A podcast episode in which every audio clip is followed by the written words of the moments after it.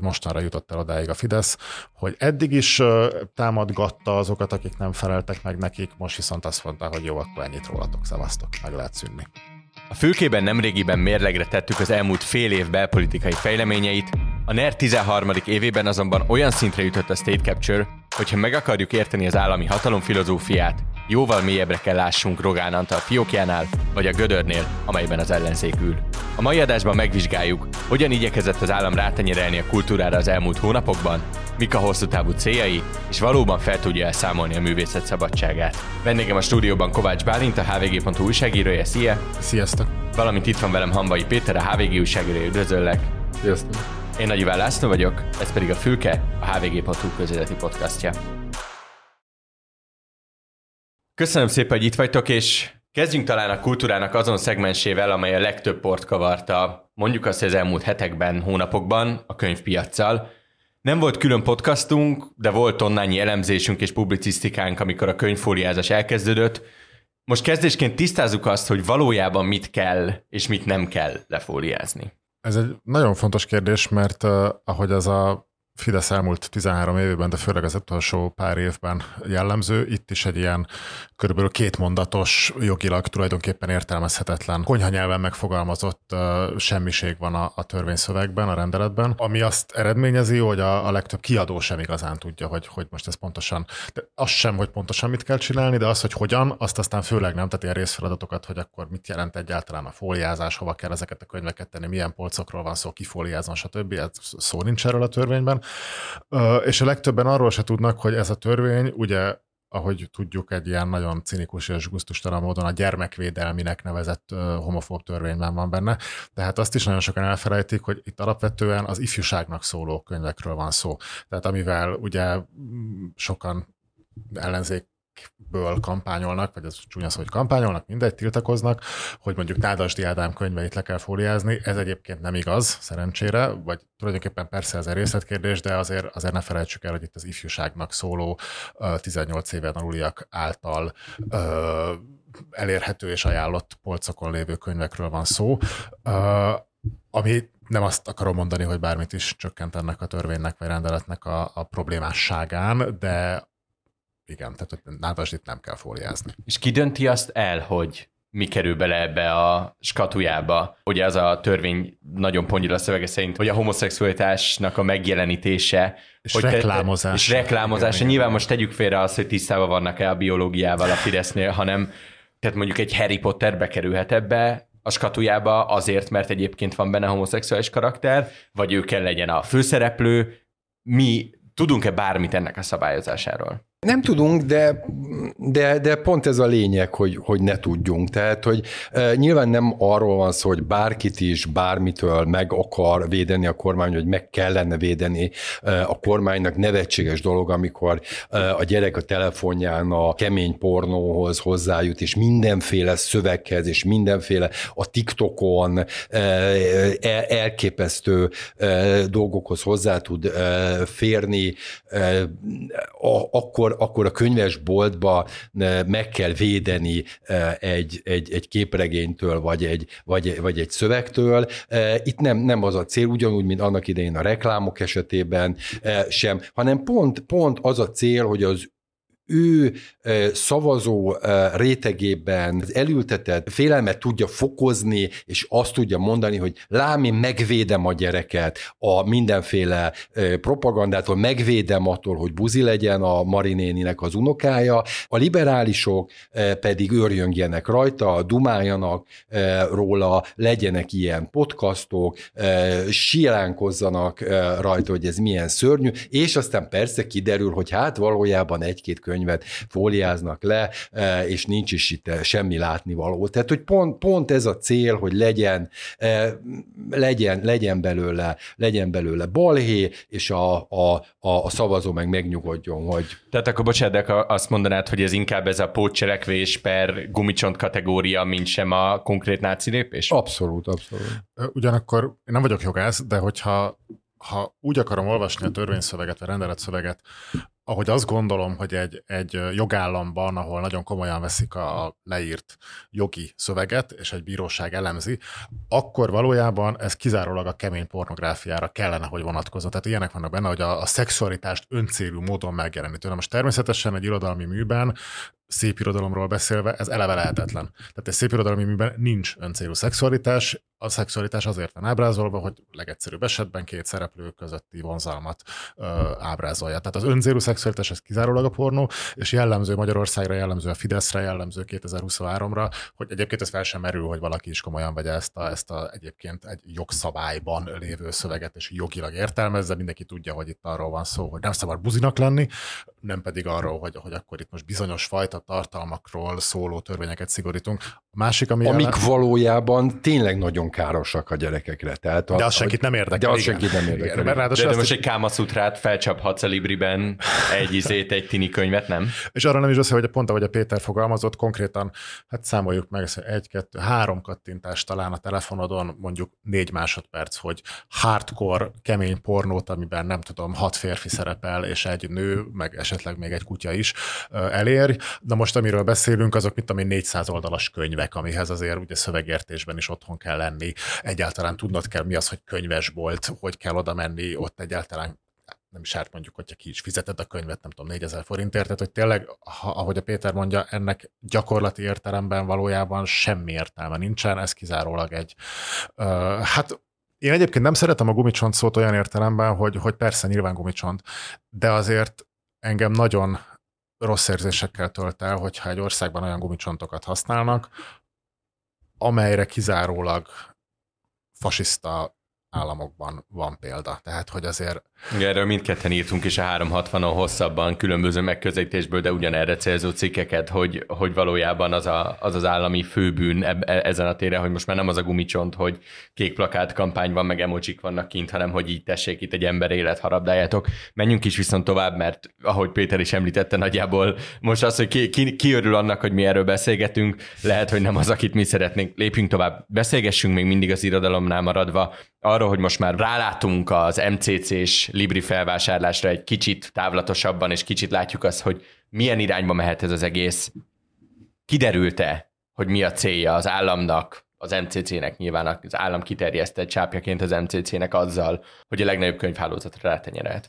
Szerintem ez ugyanabba a folyamatba illeszkedik be, eh, ahogyan 13 év alatt a NER a kultúra különböző tereit elfoglalja. A filmnél ez nyilván egyszerűbb volt, hiszen, hiszen az állami forrásokból eh, működik. Eh, az akadémiánál nagyon eh, bonyolult volt.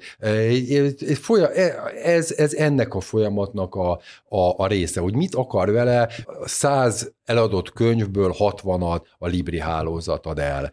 E, aki ezt a, ezt a hálózatot uralja, a birtokolja, az, annak, annak nagyon nagy hatása van az írott kultúrára. Eddig is az volt, sajnos, eddig az volt a panasz kiadók részéről, írók részéről, hogy a, hogy a Libri e, a saját kiadványait nyomja, hátrányba kerülnek, a hátrányba kerül a többi kiadó, e, hogy a, hogy a Libri az egy kicsit ilyen lektűr, bulvár, stb hogy kőkemény üzleti modell alapján működik, nem az értéket képviseli. Ez sem volt teljesen igaz egyébként, de kétségtelen, hogy kőkemény üzleti alapon működött a Libri. Most pedig politikai alapon fog működni, és nincs is különösebb lauf. Az igazgató tanácsba már kőkemény fideszesek kerültek. Orbán Balázs már azt mondta, hogy csak azok az írók siránkoznak, akiknek rosszak az eladásai, akiknek jó, az nem, és ezután is azok a könyvek kerülnek a polcokra, amiket a legtöbben keresnek, még ha ez sokak számára meglepetés is. Nem, eddig a Libribe az azok kerültek a polcra, amik jól fogytak, mert kőkemény üzleti modellt e, működtettek. E, ezután nyilvánvalóan manipulálni fogja e, a Libri a könyvkereskedelmet, bizonyos kiadóktól, bizonyos szerzőktől nem fog rendelni, a saját kiadványait sokkal erőteljesebben fogja nyomni. Nyilvánvalóan, hogy ez így fog, így fog működni. De bocsánat, akkor ez egy ilyen indoktrinációs cél, hogy 20 év múlva Deák Dani, Bogyó és Babóca leküzdik a genderelméletet, és ez legyen a polcokon, vagy itt egyszerűen az van, hogy egyébként, hogyha 100 könyvből 60-at a Libri ad el, akkor ez egy jó üzlet, erre rá kell menni, mert, mert ebbe van a pénz. ebben tudunk valahova tenni egy ilyen mondjuk azt egy relációs jelet, hogy mi a fő motiváció? Ebbe csak e, egy-két milliárdos e, üzlet van. A NER e, számára sokkal fontosabb az így elérhető politikai, politikai cél. Nem Bogyó és Babóca, és nem, és nem Deák Dani lesz a polcokon. Egyszerűen arról van szó, és tényleg egy, egy, egy-két percre térjünk vissza arra, hogy, hogy a kultúrharcot ugye 2009-ben hirdeti meg Orbán a, a köcsei beszédében. Ugye az egy hatalmas lehetőség volt, romokba hevert a balliberális oldal, a politikai is, az értelmiség is, Gyurcsányi kormányzás nagyon rosszat tett, volt egy elbizonytalanás. Orbán tudta, hogy ez egy történelmi pillanat, hogy megszerezze a, a valóságmagyarázat, megtörje a liberálisok valóságmagyarázatának a monopóliumát, a, megtörje a, a média monopóliumot. Talán ő is azt gondolta, hogy ez, ez úgy megy, hogy felépítek egy, egy saját médiát, felépítek egy saját történelmi narratívát, mindenről lesz egy saját narratívám a magyarság történetéről, és felépítek egy, felépítek egy saját irodalmi kánont, hiszen az én íróim el voltak nyomva korábban, mert az Eszterházit sztárolták. E, ez el is kezdődött, mind ilyen parodisztikus megoldások voltak, gondoljuk a Kerényire és a többiekre. E, szerintem Orbán azt aztán rájött, hogy a kultúrharc nem cél, hanem eszköz. Tehát folyamatosan fenn kell tartani ezt a, ezt a háborút, e, és ráadásul e, a kultúrharc nem csak egy magyar e, találmány, közben kitört a világon a kultúrharc. Amerikában szobrokat bontanak le, át akarják írni a, a világirodalmi alkotásokat, műveinek a címét változtatják meg. Tehát van a, a, a pártok rájöttek, hogy nem gazdasági kérdés kérdésekről kell vitatkozni, hiszen nem a, nem a nagy rendszereknek a működéséről kell vitatkozni, az emberek nem érdeklik őket, és már nincs jobboldali narratíva és baloldali narratíva sehol a világon, talán még Franciaországban egy picit van, hanem, hanem, hanem ezekről a kultúr kultúrharcos dolgokról, hiszen ezekre érzelmekkel reagálunk, hogy Amerikában is úgy van. Orbán nagyon jól beleillesztette a, a, a kis magyar kultúrharcot, ami az urbánus népies mocsárból nőtt ki, beleillesztette ebbe a, ebbe a nagy, nagy kultúrharcba, folyamatosan, folyamatosan megy ez a játék, ő neki kell az ellenzék, ahogy a, ahogy a nő is mondta, csak kevés legyen, mint a sörhabja. Kellene kellene, kellene, kell a, a, a liberális ö, ö, ellenfél, meg a baloldali ellenfél is. Egyszerűen a, a, a, harcna, a, harc, a harc a lényege. Folyamatosan szorítani ki, kifele, lassan szorítani az ellenségnek, az ellenfélnek a, a termékét. És bocsánat, még egy mondat is tényleg átadom a szót, hogy, hogy, hogy, hogy, hogy látjátok, elég kiad, nem kell megírni már egy könyvet, elég kiadni ez a Miért szavazzunk a libernyákokra című könyvet, ami, ami üres lapokból áll. Nem kell megírni a könyvet, nem kell világmagyarázatot adni, hanem, hanem egy média gesztust kell tenni tenni. Nem kell, nem kell e, tudni, hogy mi van a, a meseországban, le kell darálni, és ez 5 millió emberhez el fog jutni. Tehát valahogy nekünk is egy picit így kellene e, lassan, lassan nézni ezt a dolgot, hogy gyakorlatilag ez egy, ez, ez, ez, ez egy önmagáért való folyamat. És még egy nagyon fontos aspektus van szerintem ebben az egész uh, libri és fóliázás kérdésben. Amiről eddig beszéltünk, az mondjuk úgy, hogy a felülről építkezés, ugye az állami szektor, a másik viszont az alulról építkezés.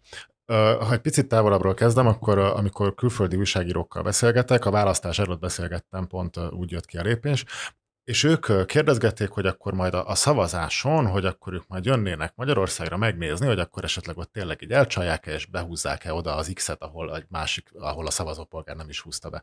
És láttam, hogy, hogy igazából nem értik sokan, hogy hogy működik ez a rendszer. Nem arról van szó, hogy Orbán Viktor embereket küld, hogy X-eket húzogassanak be, erre már nincs szükség, tehát hogy egész más szinten épül fel, és ugyanez van a kultúrával is.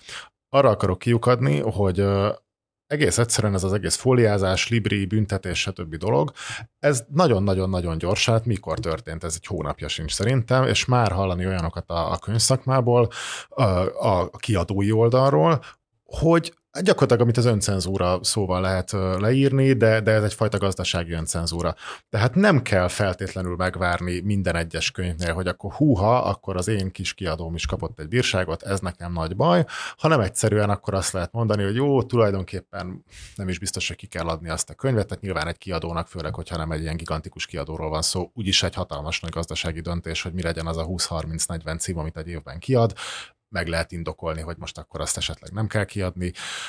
Úgyis egy nagy kérdés, hogy mi kerüljön be a könyvespolcra, mit tartsanak a polcokon, mit nem meg lehet mondani, hogy hát akkor legyen az, ami, ami nem olyan problémás. És ez nem kell az, hogy az állam oda küldje a főispánt és, és befóliázza a könyvet. Nem kell az, hogy kiadják a 12 milliós bírságot, elég volt, most kiadtak két bírságot, sok hír szólt a fóliázásról, és már elkezdődött az, hogy jó, akkor, akkor hát talán. És ez az, ami nagyon nehéz, és ezért említettem a, a szavazásnál az X-es behúzásra kíváncsi Guardian újságírókat, mert ezt nem lehet tetten érni.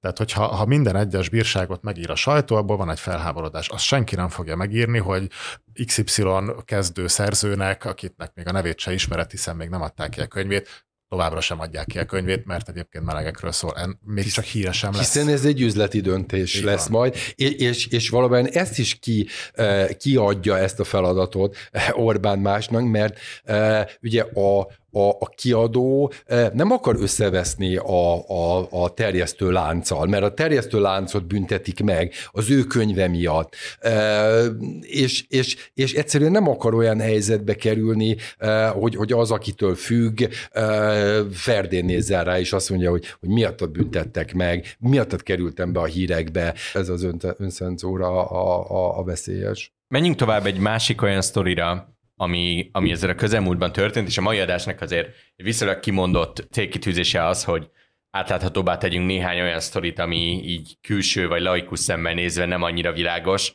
Beszéljünk a Zeneakadémiáról. Összetudnátok-e foglalni, hogy pontosan miről szól a Zeneakadémián a rektorbotrány, és ki ez a Keller András, és miért köré szabják ezt a vezetői pályázatot? Ez, ez, ez is ennek a, ennek a térfoglalásnak a, a, a része. A Zeneakadémia ellenállt a, az egyetemek alapítványba szervezésének. A Zeneakadémia nem liberális fészek, mint nem lehet ráfogni, hogy liberális fészek, mint, a, mint az SFE volt. Egyszerűen az van, hogy ezt, ezt is el kell foglalni. Itt is a mi embereinknek kell megjelenni, semmi másról nem szól ez a dolog. Itt is meg kell mutatni, hogy, hogy nem lehet szembe, szembe szállni a kormányal. Keller Andrással az a, az a probléma, és azért rettek tőle a, az egyetem, mert Keller András már tanított az egyetemen, és nagyon sok probléma volt. Azt állította az egyetem, nyilván mi nem voltunk ott, nem, nem tudjuk ezeket a, ezt, ezt pontosan, azt állította, hogy nem tartotta meg az óráit, nem, e, elhagyták a tanítványai. Keller ugyanis a különleges tehetségek osztályába járt. Annak idején ő maga is így próbált tanítani, csak azt, azt mondta annak idején, hogy, hogy tényleg csak a kiemelkedő tehetségeket kell felvenni, azokkal kell foglalkozni. A Zeneakadémia meg azt mondja, hogy ennél, ennél tágabb feladata van neki, a 22. brácsást is ki kell képeznie a Zeneakadémiának. Nagyon csúnyán vált el a, az egyetem, Keller akkor azt állította, hogy, hogy éveken keresztül hadjáratot folytatott ellene a, a rektor. Tehát képzeljük el, hogy, hogy egy ilyen, és most mindegy is, hogy mi ebbe az igazság, egy ilyen nagyon súlyos személyes konfliktusok után oda megy Keller András, nyilvánvalóan akkor is mondta, teljesen átalakítani ezt a rendszert. A, a fideszes politikusoknak azt mondja, azt szokták ilyenkor mondani, hogy én egy nagyon jelentős nemzetközi művész vagyok, én majd a művész barátaimat ide tudom hozni, akik világhírűek, mond öt nevet, nyilván Csák János egyet sem ismer belőle. Valóban ide fog hozni majd néhány, néhány figurát, tartanak órákat, de közben egy egyetem, egy egyetem működését pedig valójában szét fogja ez, ez, ez verni, vagy legalábbis ettől, ettől, ettől tart a, a Zeneakadémia jelenlegi vezetése. Tehát oda tenni valakit, aki, aki ellen azért tiltakozik a, a, az egyetem zöme, ez, ez egy újabb kultúrharcos történet. Valójában egyáltalán nem érdekli a Fidesz, hogy majd milyen, milyen állapotok lesznek a, a Zeneakadémián. Ha a kedves olvasó beírja Google-ba, hogy ki ez a Keller András, akkor hát nekem a legelső helyen egy olyan cikket dobott ki a Google, ami az ellene megfogalmazott verbális bántalmazás vádakról szól. Tehát azért Nyilvánvalóan az ártatlanság vélelme fontos, nyilvánvalóan még nem zárult le a vizsgálat, de azért ez valahogy mégiscsak annyira jellemző, hogy egy olyan ember támogat a kormány, aki ellen éppen vizsgálat zajlik verbális bántalmazás miatt, és ahogy az ember utána olvas ennek, nem akarok ítélkezni, természetesen nem voltam ott, és még nem zárult le a vizsgálat, de az elhangzottak arról szólnak, tulajdonképpen arról megy a vita, hogy az a fajta nagyon kemény kommunikáció, amit ő a koncertó együttesben folytat, azt el kell viselni, vagy nem. Tehát azt, hogy, hogy van egyfajta nagyon kemény és nagyon nehezen tolerálható kommunikáció részéről, azt tulajdonképpen senki nem tagadja. Azt, azt senki nem tagadja. Annyit, annyit kérdeznek meg, hogy jó, jó, de hát nekünk művészeknek tulajdonképpen miért is ne. Ugye ez volt a sztori, hogy az első hegedűs, ha jól emlékszem, végig zokogva játszotta le a koncertet. Na most őt nyomják tiszta erőből és kicsit, kicsit aljas módszerekkel, mert természetesen itt is a, a jogi manipulációról van szó, amit természetesen egyébként ez egy tényleg ilyen nagyon tankönyvi fideszes kultúr eset, ö, nagy csinadrattával kijelentette a kormány, vagy hát a minisztérium, hogy ők most akkor, akkor jó útra tértek, és az eredetileg kiírt eléggé korlátozó pályázathoz képest hatalmasra nyitották a, a, a pályázható embereknek a körét, mert addig az volt a baj, hogy az alkotóművészek, tehát mondjuk a zeneszerzők, azok nem feleltek meg a kiírásnak, kizárólag az előadó művészek. Na, a kormány kiállt, hogy ezt megszüntettük, mostantól liberalizmus van, csodálatos, bárki pályázhat, miközben valójában beleírtak egy olyan kitételt, ami gyakorlatilag csak kell erre áll meg az összes jelölt közül, apró betűkkel a végére. Pontosan a, a, az egyetem jelöltjét teljes egészében Igen. kizárja, mert ő neki nincsen Kossuth ez is egy őrültség, miért kellene Kossuth Kossuth rendelkezni egy zeneakadémia rektorának, és egyébként ez visszautal, visszaugrunk egészen Vignyánszkig, aki ugye a Színművészeti Egyetemnek, a, és még jó pár egyetemnek a emblematikus személye. Ha jól emlékszem, akkor miatta, illetve az ő kezdeményezésére és az ő megsegítésére hozták azt a törvényt, ami most Kellert is a rektori székbe helyezheti, miszerint ahhoz, hogy te egy úgynevezett egyetemi tanár legyél, ami nem csak egy szó, hanem az egész világnak a Hanem a köztársasági elnök kinevezzen egyetemi igen, igen, igen. Tehát ez egy, ez egy nagyon komoly tudományos fokozat, ez egy tudományos elismerés, aminek nagyon komoly kritériumai vannak. De most ezt Magyarországon már nem kell ezeket a kritériumokat elérni, elég egy politika által vezérelt eh, nagy állami díjat megkapnod, és így aztán, anélkül, hogy te valóban elérted volna volna azokat a fokozatokat, amik ahhoz kellenek, hogy te például a Zeneakadémia vagy a Színművészeti Egyetem rektora lehess, elég, ha jóba vagy a politikusokkal. Tehát azért mondom, ez tényleg egy tankönyvi történet, igazából minden benne van, amit a Fidesz alkalmazni szokott. És ráadásul nem is elég megkapni a díjat, mert sokan megkapták a Kossuth díjat, hanem e, ezt a Kossuth díjat a Magyar Művészeti Akadémiának e, e, és a minisztériumnak kell gyakorlatilag egyetemi tanári fokozattá váltani, vagy konvertálni.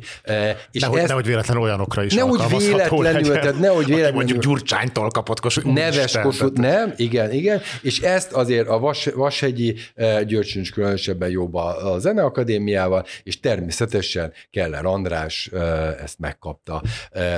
Ő neki a Kossuth díja egyetemi tanárságot ér, másnak nem, és Vigyánszki Attiláé is. Jó, hát a Zeneakadémia úgy margójára teljesen out of context és összefüggés nélkül ajánlom a hallgatóinknak hétvégére a Whiplash című film megtekintését. És menjünk is tovább, még egy nagyon gyors kérdés visszacsatolva, hogy mennyire hasonlít szerintetek az, ami a Zeneakadémián történik, a maga nemében ahhoz, ami az Operaház vezetésével és Ókovács Szilveszterrel történt? Szerintem igenis, meg nem is, tehát hasonlít is, meg nem is. Azért, nyilván azért hasonlít, mert mindkettő a kultúrác része, mindkettő arról szól, hogy a Fidesz által megfelelőnek tartott ember bármi áron vezető lehessen, akkor is, hogyha, mint Ókovács esetében a szakmai bizottság őt egyáltalán nem támogatja, hogyha száz, vagy nem is tudom hány művész felszólal ellene, hogyha ha gusztustalan dolgok történnek a pályázás során, ugye Ókovács konkrétan kirúgta a konkurensét, tehát ezért ez melyik országban történik meg. Mindegy. Amiben viszont nem hasonlít, az az, hogy azért szerintem egy nagyon-nagyon fontos lépés, talán azt is mondhatom, hogy a vörös vonal átlépése, hogy az egyik az oktatás szabadságára vonatkozik, a másik pedig idézőjelben csak egy kulturális intézmény kinevezésére, vezetőjének kinevezésére. Most egy kulturális intézmény vezetőjét, azt amíg a világ világ, valakinek muszáj kineveznie, ez többnyire a fenntartó teszi, tehát önmagában ez még nem egy már az alapoktól kezdve problémás dolog. Hát aki a pénzt adja, az megmondhatja, hogy kit tart alkalmasnak a vezetésre, ezt persze lehetne sokkal jobban és szakmaiban is csinálni, de ez van. Na most az, hogy egy egyetem szabad ö, oktatásába a politika, a kormánypárt belenyúl, na az viszont már egy nagyon súlyos dolog. Tehát azt szerintem talán használhatjuk az alkotmánysértő szót is. Ö, tehát ez azért egy, egy nagy különbség, és ezzel teszi még súlyosabbá a Zeneakadémia helyzetét. Valóban egyetértek a Bálintal, hogy a Zeneakadémiánál tényleg törvényt módosítottak, tehát hogy nagyon-nagyon úgy, úgy, úgy bővítették a pályázatot, hogy szűkítették. Itt egyszerűen a, a, a kinevezési, tehát ez el, előfordulhatott volna a bármelyik kormány alatt, itt egy személyes lobbiról van szó. Én egyébként nem, nem hiszek abban, hogy ezek az úgynevezett szakmai bizottságoknak az ajánlására kell kinevezni feltétlenül a vezetőket, őket, ők is különféle lobbikat képviselnek, meg személyes dolgokat képviselnek. Emlékszünk, hogy, hogy Hegyi Árpád jutott át egy, egy szakmai bizottság, ajánlata ki is nevezték, operaház igazgatóak szétverte a, a, az operaházat. A fenntartónak kellene, egyébként ez nagyon régi probléma, a rendszerváltás óta probléma, a fenntartónak kellene kicsit bátrabbnak lenni, és elmondani azt, hogy, hogy valójában mit, mit akar, eh, milyen operázat, világszínvonalú operaház legyen, vagy a magyar énekeseknek és a magyar balettművészeknek legyen a, a, a, a terepe. Eh, tehát ezeket el kéne dönteni, soha nem dönti el. Eh, azért a szakmai, szakmai bizottság is az, hogy alkalmatlannak tartja Okovács Szilvesztert, én nem, nagyon nem szeretném megvédeni Okovács Szilvesztert, de az, aki tíz évig vezet egy intézményt úgy, hogy ez a szakmai bizottság azért nem fejtette ki azt, hogy, hogy valami szörnyű dolgok történnek, és nem tudják kiénekelni a magas C-t. Most hirtelen alkalmatlanná válik, szerintem ez is egy kicsit vicces dolog. Szerintem itt egyszerűen az, az volt, hogy, hogy hirtelen ebbe, ebbe az elképesztő fideszes uh, présben úgy tűnt, hogy, hogy, hogy, hogy van, egy, van egy szabad pályázat, tehát hogy összehívtak embereket, és tényleg azt mondták nekik, hogy, hogy, hogy az, lesz, az lesz kinevezve, akit ti akartok. Tehát tényleg gondolkodjatok szabadon, és baromi boldogok voltak, és azt mondták, hogy hát ez alkalmatlan, legyen inkább ő, és aztán utána az orrukra kopintottak. Tehát ebből, ebből a szempontból tényleg nagyon fideszes történet, hogy, hogy Valószínűleg arról volt szó, hogy az Okovács Szilvesztert nem akarta a, a Csák János, kiírt egy pályázatot, aztán utána az Okovács elkezdett lobbizni, mint egy őrült, és végül, végül, végül ő, ő, ő neki sikerült több támogatót szerezni, személyesen Orbán Viktornál, mert természetesen ebbe is ő döntött, hát ki a fene döntene arról, hogy ki az operaház főigazgató amit Péter említett, az egyébként az egész podcastünknek egy nagyon fontos uh, alapkérdésére is rávirágít. Ugye azt mondtad, hogy, uh, hogy a fenntartónak bátrabbnak kéne lennie, és kimondani, hogy milyen operázat szeretne.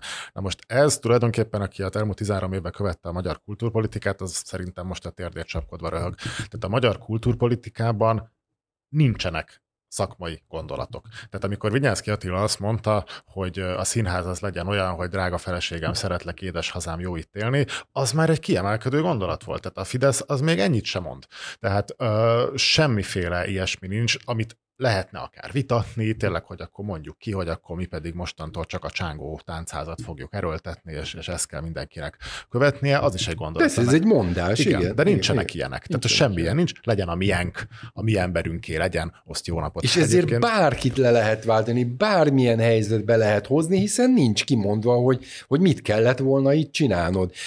Az se, hogy, hogy, hogy, hogy sok nézője legyen egy filmnek, mert akkor, vagy egy előadásnak, mert akkor azt mondja, nem a, nem a nézőszám fontos, hanem a minőség. Tehát, hogy, hogy teljes, teljes ezébe, teljes mocsárba taposok, bocsánat. És egyébként az Okovács kinevezése az ennek egy eléggé, hát tulajdonképpen parodisztikus példája, mert ha még emlékszik az ember arra a párnapos kis intermezzóra, akkor Okovács egy picit elkezdett ilyen elszabadult hajóágyuként viselkedni, és még a kormányt is merészelte kritizálni, és aztán valószínűleg lett egy ilyen, én nem is tudom, hogy, hogy mi lehetett ennek az oka, ezt nyilván Orbán és még két-három ember tudja, hogy mi történhetett, de kívülről úgy néz ki, hogy azt mondták, ja, hagyjuk már, kit érdekel az opera, jó lesz ez az ókovás, nem lesz jó, hív be egy kicsit, mondd meg hogy kussoljon, azt akkor jó lesz. Tehát, hogy nem volt ilyen, hogy akkor most akkor Ókovács alkalmas, vagy nem alkalmas, senkit nem érdekel, hogy alkalmas-e, meg lehet vele beszélni, hogy csinálja, és, és ne nagyon kritizálja Orbánt, akkor jó lesz. Nagyjából soha, soha nem is érdekelt senkit valójában, hogy alkalmas-e e, valaki egy kulturális intézmény vezetésére. A fenntartott mindig az érdekelte, hogy nyugalom legyen. Tehát, hogy, hogy, hogy, hogy lehetőleg nyugi legyen, lehetőleg ne csináljon botrányt minden e, hónapban. Ha, ha, ha megszorítás van, akkor fogadja el. E, sajnos ez ennek a, ennek a, ennek a, a, a a kimenete. Egyébként mm, szerintem nagyon, nagyon szordinosan bírálta. Nem a, igen, a miniszter bírálta Ókó esetét, és tudta, hogy meddig, meddig lehet elmenni. Igen.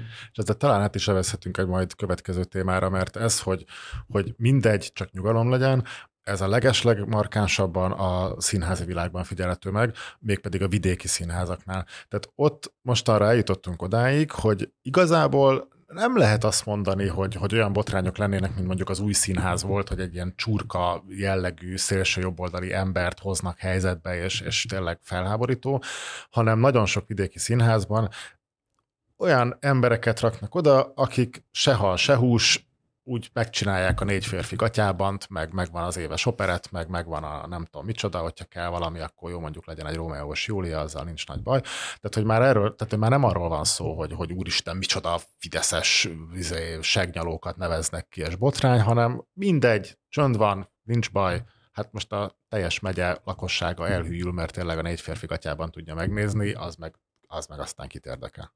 Igen, ott is a, attól féltünk annak, hogy ez már elkezdődött 2010 előtt, mert a, a, az önkormányzatokat ugye megszerezték, akkor voltak ezek a nagy botrányok, hogy, hogy hát akkor most itt fideszes propaganda lesz, és e, én nem tudom, nem lett fideszes propaganda, hanem ilyen szórakoztató színházakat csináltak, ez tetszett a fenntartónak, tetszett a nézőknek, e, tetszett mindenkinek, e, mert, mert itt is oda térünk vissza, hogy, hogy, hogy nem, nem, nem kell saját kánon és saját narratíva. Igazából egyszerűen birtokolni kell, birtokolni kell ezeket a pozíciókat, minden pozíciót birtokolni kell, gazdasági pozíciókat is, kulturális pozíciókat is. A lényeg az, hogy ne, ne, ne, ne támadjanak. Tehát, hogy ne jelenjenek meg olyan, olyan előadások, olyan projektek, amik, amik támadják a, a, a kormányt. Onnantól aztán tényleg mindegy, hogy, hogy, hogy melyik operet van, meg melyik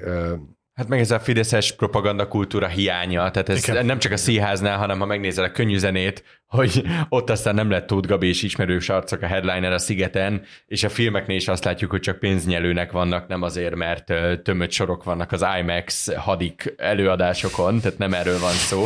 De maradjunk még a színháznál, mielőtt még lesz egy kicsit szó filmről és zenéről később. Maradjunk a színháznál, és maradjunk a színház finanszírozásnál.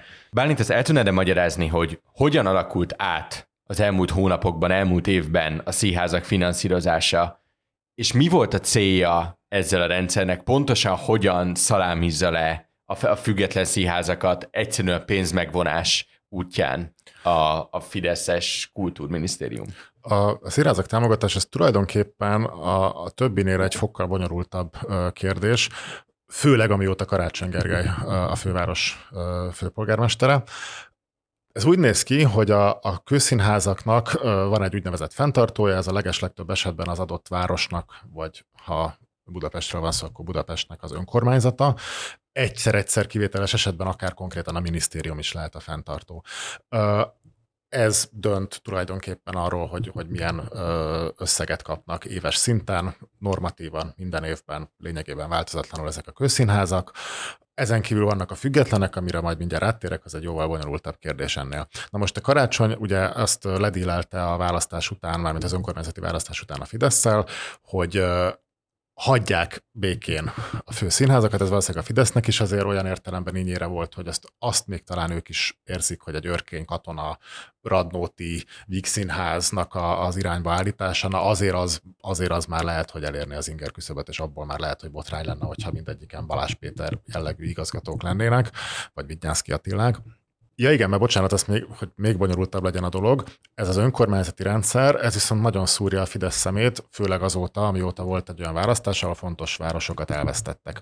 Tehát hoztak olyan törvényeket, amik szerintem egyébként mélységes mélyen demokrácia és alkotmányellenesek voltak, hogy igen, az önkormányzati a döntés, de ezt a minisztérium bármikor megvétózhatja, ami hát fordítsuk le nyelvre, azt jelenti, hogy nem az önkormányzatoké a döntés, ezt gyorsan meg is mutatták, Egerben és Pécsen volt egy, egy olyan helyzet, hogy a Fideszes Mm, sok szempontból problémásnak nevezhető igazgatókat az új baloldali városvezetés megpróbálta, vagy ellenzéki városvezetés megpróbálta leváltani, mire a minisztérium egészen konkrétan azt mondta, hogy jó, de ha leváltjátok, akkor mi nem szavazzuk meg nektek azt a 3-4-500 millió forintot, ami nélkül abszolút. Mert, mert, mert bocsánat, lehet, hogy az, az, az nem érthető, hogy, hogy egyszerűen választás elé állította a Fidesz a, a, az egyre szegényedő önkormányzatokat, hogy, hogy vagy ti finanszírozzátok a színházatokat, e, és akkor ti döntötök a, a, a, a vezető vezető kinevezéséről, tehát az egész műsorpolitikáról, de ha kértek állami támogatást, már pedig minden magyar színház, a vidéki, fővárosi,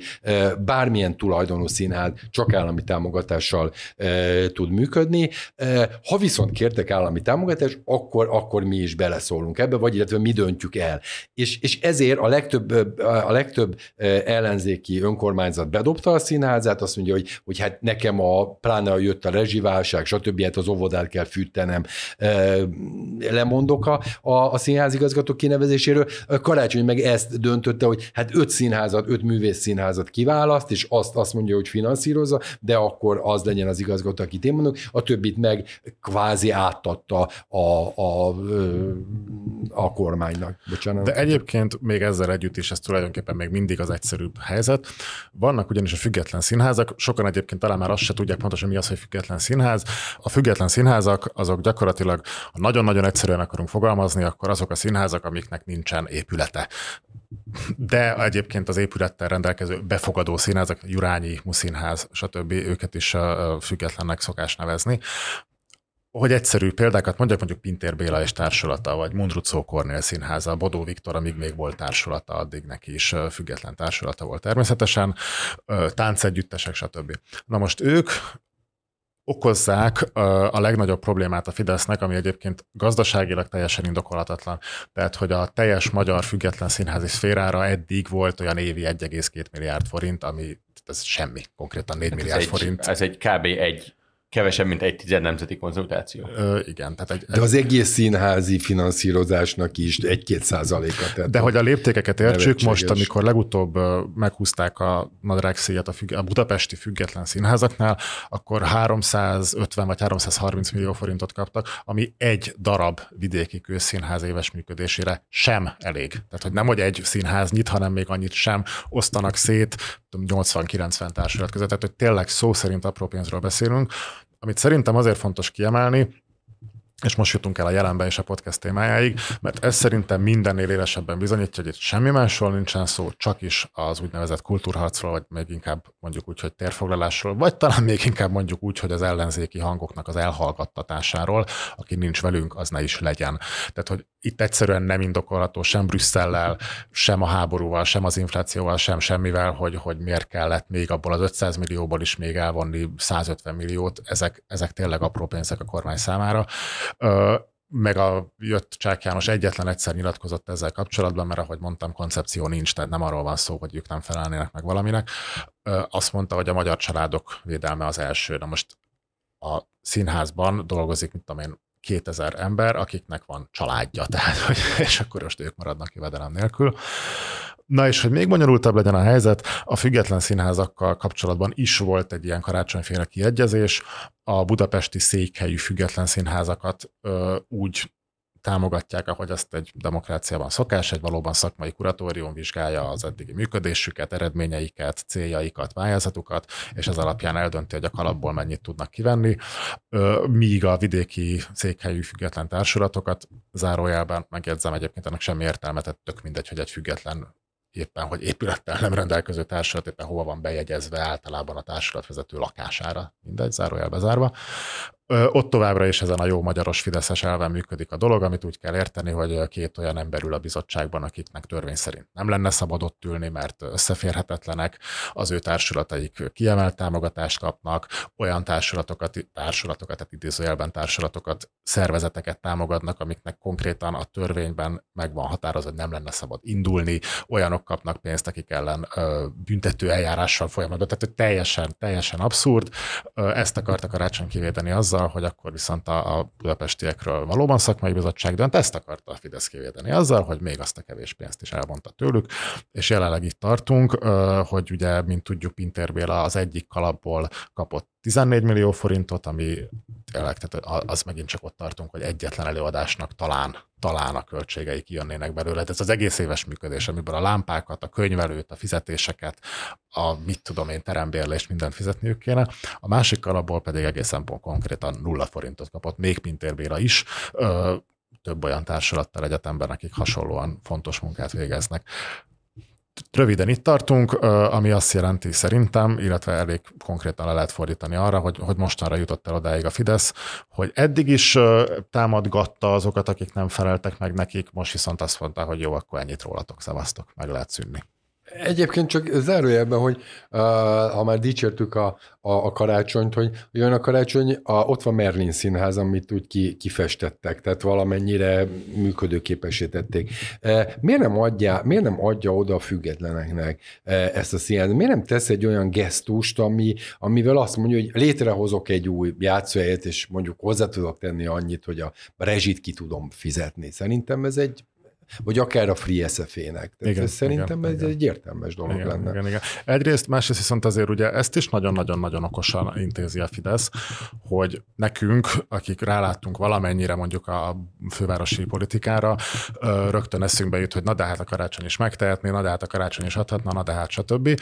És egyébként pont ezt akarják elérni, hogy egyrészt minden intézkedésükkel a karácsony zsebébe, amit csak nem szégyelnek, azt kivesznek, és hát tudjuk, hogy mennyi dolgot szégyelnek és még azt is elérik, hogy a, a saját mondjuk úgy, hogy szekértábora is őt szidja, amiért abból a kevés maradékból meg miért nem csinál ezt vagy azt, tehát ez egy csodálatos leszalámizás abszolút. És legyen ez a pont, ahol átvezetjük ugyanezt a kérdést a filmek terére, és arról rengeteget beszéltünk, hogy a NER kurzusművészet és főként a kurzusfilmek hogyan működnek, rengeteg ilyen podcastunk volt, be fogom tenni az adás leírásában mind a tavalyi évzárunkat, mind Lentár Balázsral, amit csináltunk a kurzusfilmek történelméről, és említettük már a maiban is azt, hogy ezek mennyire profitábilisek, és nem is ez a lényeg, mert ezt tudjuk, tehát nevetséges, amiről szó van, Petőfi filmtől, Aranybulla sorozaton át, akármeddig.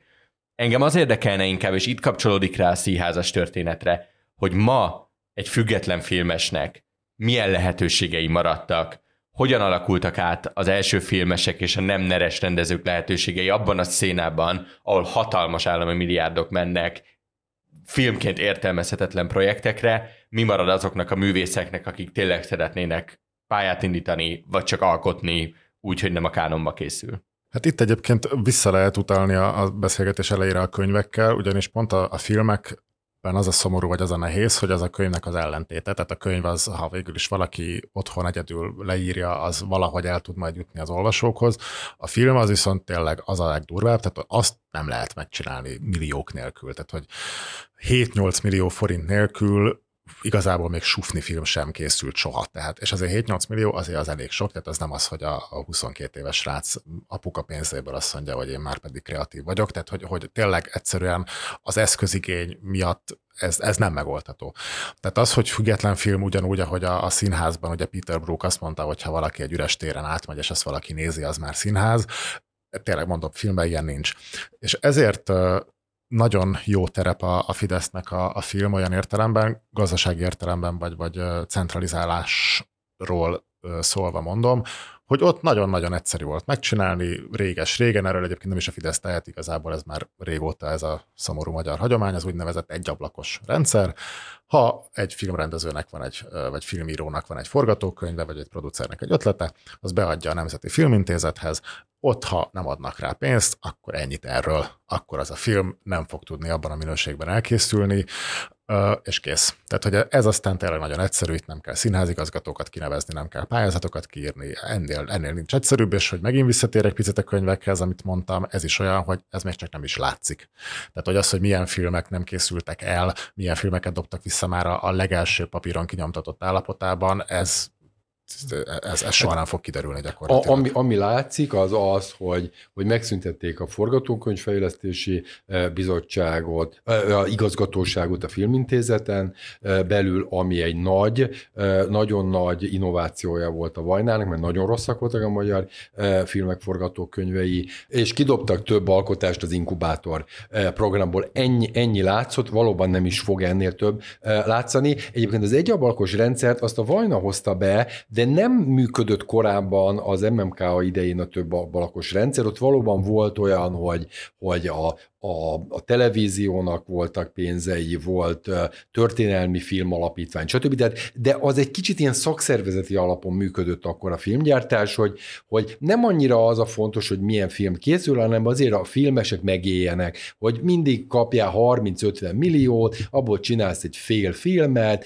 három évig ki tudott fizetni a rezsidet. Tehát a, a Vajna ebből, ebbe hozott egy nagy újdonságot, azt mondta, hogy nem aprózzuk szét a pénzeket, egy ablak lesz, e, fejleszteni fogjuk a könyveket, végig kísérjük a, a könyvet. Lehet, hogy egy csomóan nem fognak dolgozni, de ennek nem politikai okai voltak, hanem az, hogy az dolgozzon, aki jó filmet tud csinálni, e, eladható filmet, a Vajna utálta a művészfilmeket, de tudta azt, hogy, hogy de, de volt érzéke, engedte a, a, a művészfilmeket is, fontos volt, hogy legyen Oscar-díj, legyen Velencei díj, stb. stb. E, ez, ez fontos volt számára. Persze szeretett volna csinálni egy nagy hollywoodi magyar történelmi filmet, ez nem jött össze, nem kapott olyan jó forgatókönyvet, és annál profibb volt, hogy, hogy valami e, szart csináljon. E, a Vajna halálával sajnos ez a, ez a végül is jól működő rendszer, tőle függő,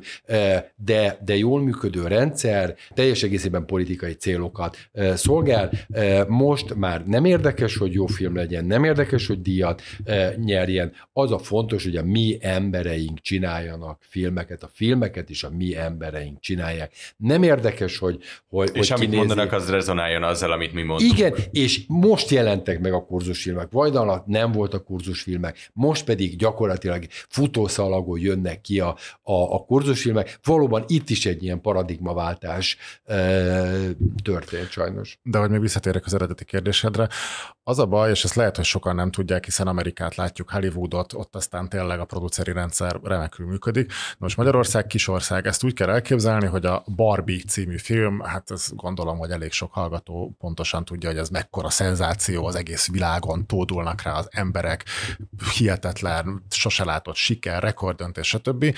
Ez tart most Magyarországon 230 ezer nézőnél, ami egy hatalmas nagy szám. De ez a 230 ezer néző 2000 forintos mozi jegyekkel számolva nagyon könnyen kijön, hogy, hogy nem tud Magyarországon működni a, a, az üzleti alapú filmkészítés, hogy jön a pénzember, és pusztán csak is gazdasági alapon nem jó felségből, nem mecénásként, hanem azért, hogy megtérüljön, ő ad 2-300 millió forintot egy filmre, abból a büdös életben nem fog viszont látni annyit, amennyit kellene, hiszen ugyebár tudjuk a, pre, a, a jegybevételnek nyilván elmegy a fele a mozihoz, ki kell belőle fizetni tényleg a stábot, a lámpabér, stb. Tehát, hogy, hogy egyszerűen ez nem tud működni, ez Magyarországon muszáj, hogy egy állami ö, alapon működő dolog legyen. Tehát az, hogy a független filmeseknek milyen lehetőségei vannak, egyrészt szinte semmi, másrészt ugye, ahogy ezt láthattuk a Budaflóra Annának a 27 című Kámban nagy díjat kapó filmjével, külföld. Hát igen, az van, hogy egyéni, egyéni projektek lesznek, a Free SFE is, neki is az a legnagyobb problémája, hogy a vizsgafilmekre összesze, összeszedje azt a 15 vagy 25 millió forintot, ami alatt nem lehet elkezdeni. E, ilyen egyéni projektek lesznek, e, hogy kimegy valaki Franciaországba, lehet, hogy dolgozik az Aldiba, e, mellette pályázgat, ha színész, akkor castingokra jár, ha rendező, akkor, akkor, akkor megpróbál ott érvényesülni, megpróbál innen onnan eh, pályázgatni, csak a külföld valóban. És egyébként csak, hogy egy picit leleplezzük ilyen nagy szavakat is használva itt a beszélgetés vége felé, az úgynevezett konzervatív politikai rendszert, vagy a Fidesz szereti magát nevezni, ennél nagyobb hazugság nincs.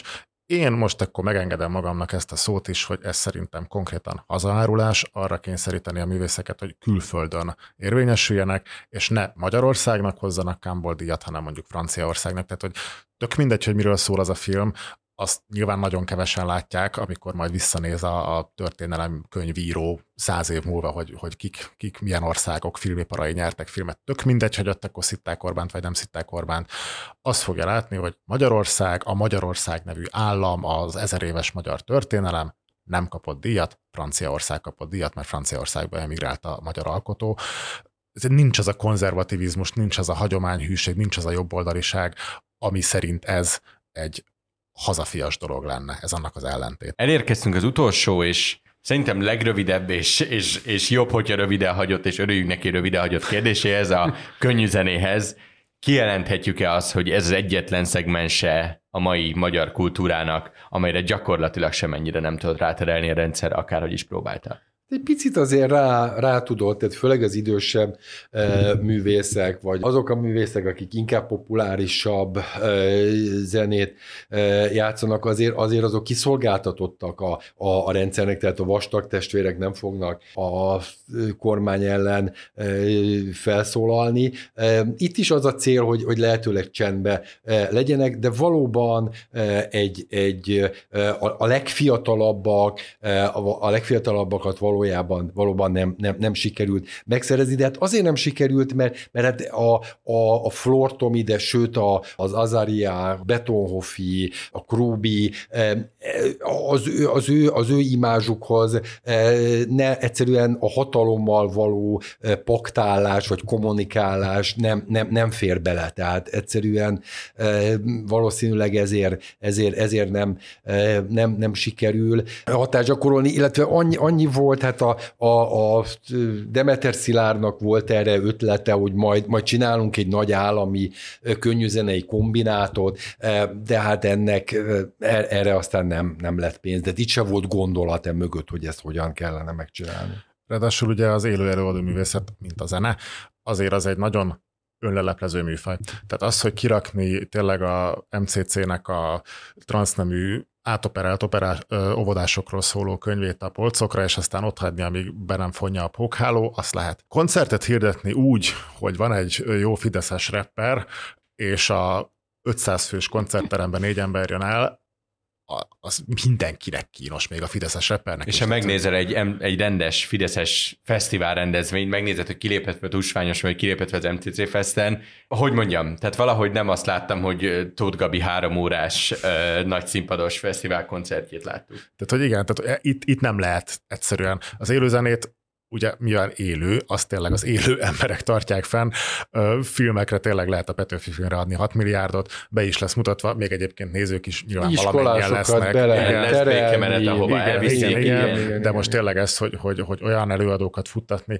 egyszerűen ahhez egy olyan szinten kiépített nagyon sok pénzzel kitömő struktúra kéne, hogy ezt is lehessen kamuból működtetni, amire viszont tényleg nincs pénz az államnak. Arra gondolok, hogy egy klub akkor fog igent mondani egy nulla nézős vagy tíz nézős koncertre, hogyha neki nem kell belépőket eladni, hanem most ahhoz az kéne, hogy akkor a Fidesz már a, a kocsma támogatásra is rátegye a kezét, és a jobbos kocsmákat kitömje annyival, hogy ne legyen szükségük sörbevételre, tehát hogy ez már egy olyan szint. Hát igen, ez, ez volt végül is a Demeternek az ötlete, de hát ez... ez és ne felejtsük el azt se azért az, hogy, hogy egy színházat be lehet zárni, egy könyvet be lehet fóliázni, egy mozifilmre lehet pénzt nem adni, de a, nem fog bekopogtatni Orbán Viktor Danieleknek az ajtaján, és azt mondani, hogy figyú, a Krubit légy színe játszátok már Spotify-on, mert csúnyákat mondott rólam, meg a Gyurcsány Ferencről. Hát illetve a, a külföldi tulajdonú cégeket már csak egy tényleg egy ilyen Észak-Korea felé tendáló diktatúra tudná azt mondani, hogy akkor mi betiltjuk a Spotify-t Magyarországon, és, és elérhetetlenné tesszük. Tehát azért itt hál' Istennek még nem tartunk,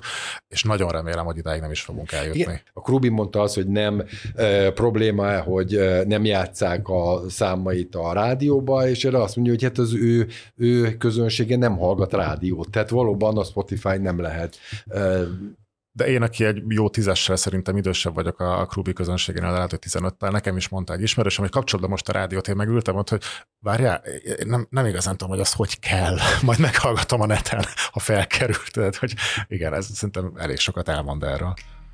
Bálint, Péter, nagyon szépen köszönöm, hogy itt voltatok, a hallgatóknak pedig köszönjük szépen a figyelmet. A fülke hamarosan folytatódik, addig is iratkozzanak fel a hvg.hu podcastokra és kapcsolják be az értesítéseket, hogy ne maradjanak le üzleti műsorunkról, a Mérlegerről, Bábel Vilmos podcastjáról, az Elviteréről, valamint a Zékast friss epizódjairól sem. Én Nagy Iván László vagyok, viszont hallásra.